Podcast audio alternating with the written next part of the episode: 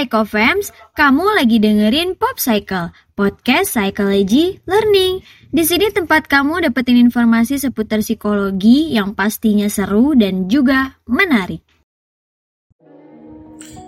Halo semuanya, kenalin gue Isan.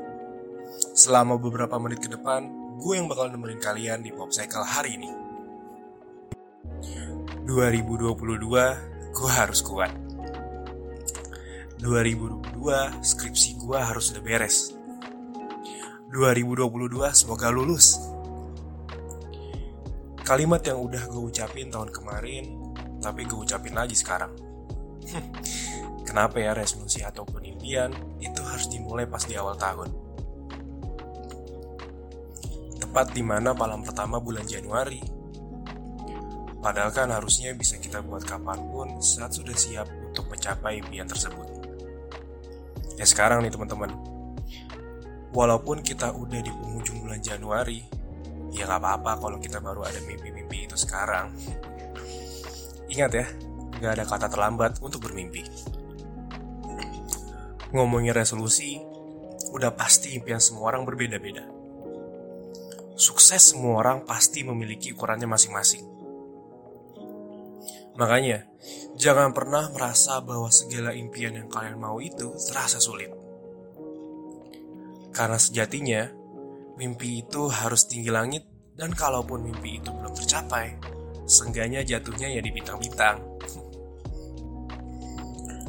Di sini gue punya tips buat lu supaya resolusi lu nggak cuma sekedar tulisan di dinding, ataupun jadi reminder di wallpaper HP lu. Pertama, tentukan big goals lo dulu. Lu boleh tulis impian apa pun dan sebanyak mungkin yang lo mau. Mau itu hal-hal di luar ekspektasi sekalipun itu gak masalah. Big goals tertentu yang paling pengen banget lu capai di tahun ini. Mimpi lo kan pasti banyak. Tapi lu udah harus bisa pilih nih, mana mimpi terbesar lo saat ini mulai untuk pikirkan nih, kira-kira goal terbesar gue tahun ini apa sih? Mau ngapain sih? Goals mana yang harus gue selesaikan sekarang? Nah ini gunanya. Supaya lo bisa fokus ke big goals lo, tanpa khawatir jika goals lainnya belum tercapai. Kedua, action plan. Kalau udah ada big goals yang sudah lo tentukan, Waktunya untuk membuat action plan apa saja yang akan lo lakukan selama lo mencapai goals tersebut. Karena gue yakin, lo pasti punya cara buat bikin strategi selanjutnya untuk mencapai impian lo. Secara umum aja dulu, tulis poin-poin pentingnya ya. Yang ketiga adalah make to-do list.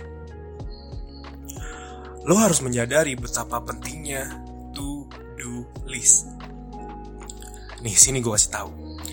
Bayangin kalau lo sudah membuat to-do list untuk satu hari ini.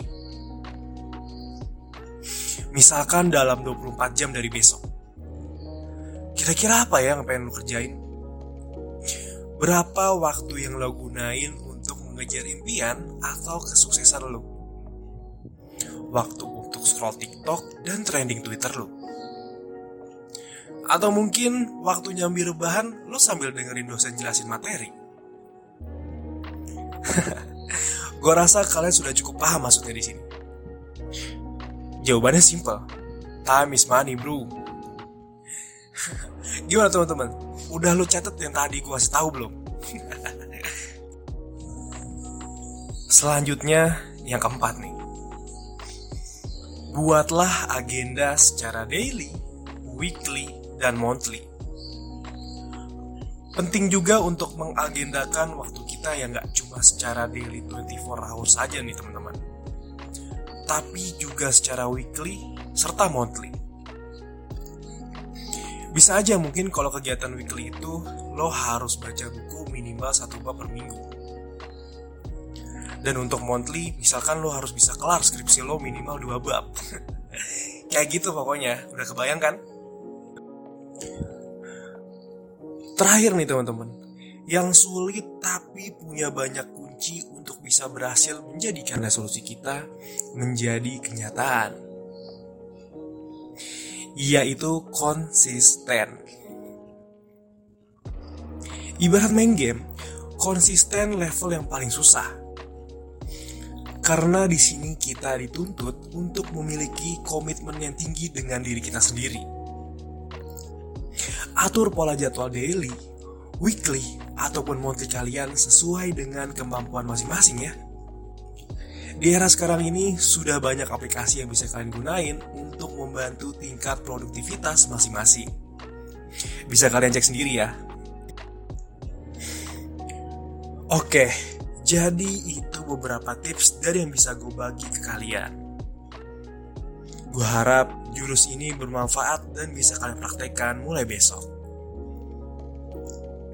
Ingat, apa mimpi lo? Lakuin step by stepnya. Konsisten. Dan terakhir, sesuatu yang diinginkan itu dikejar. Bukan ditunggu. Diusahakan, bukan sekedar mengharapkan. Gue percaya sama kalian. See you. Terima kasih Psychofam sudah mendengarkan hari ini. Jangan lupa buat dengerin episode lainnya hanya di Pop Cycle. Salam satu psikologi. Bersama kita.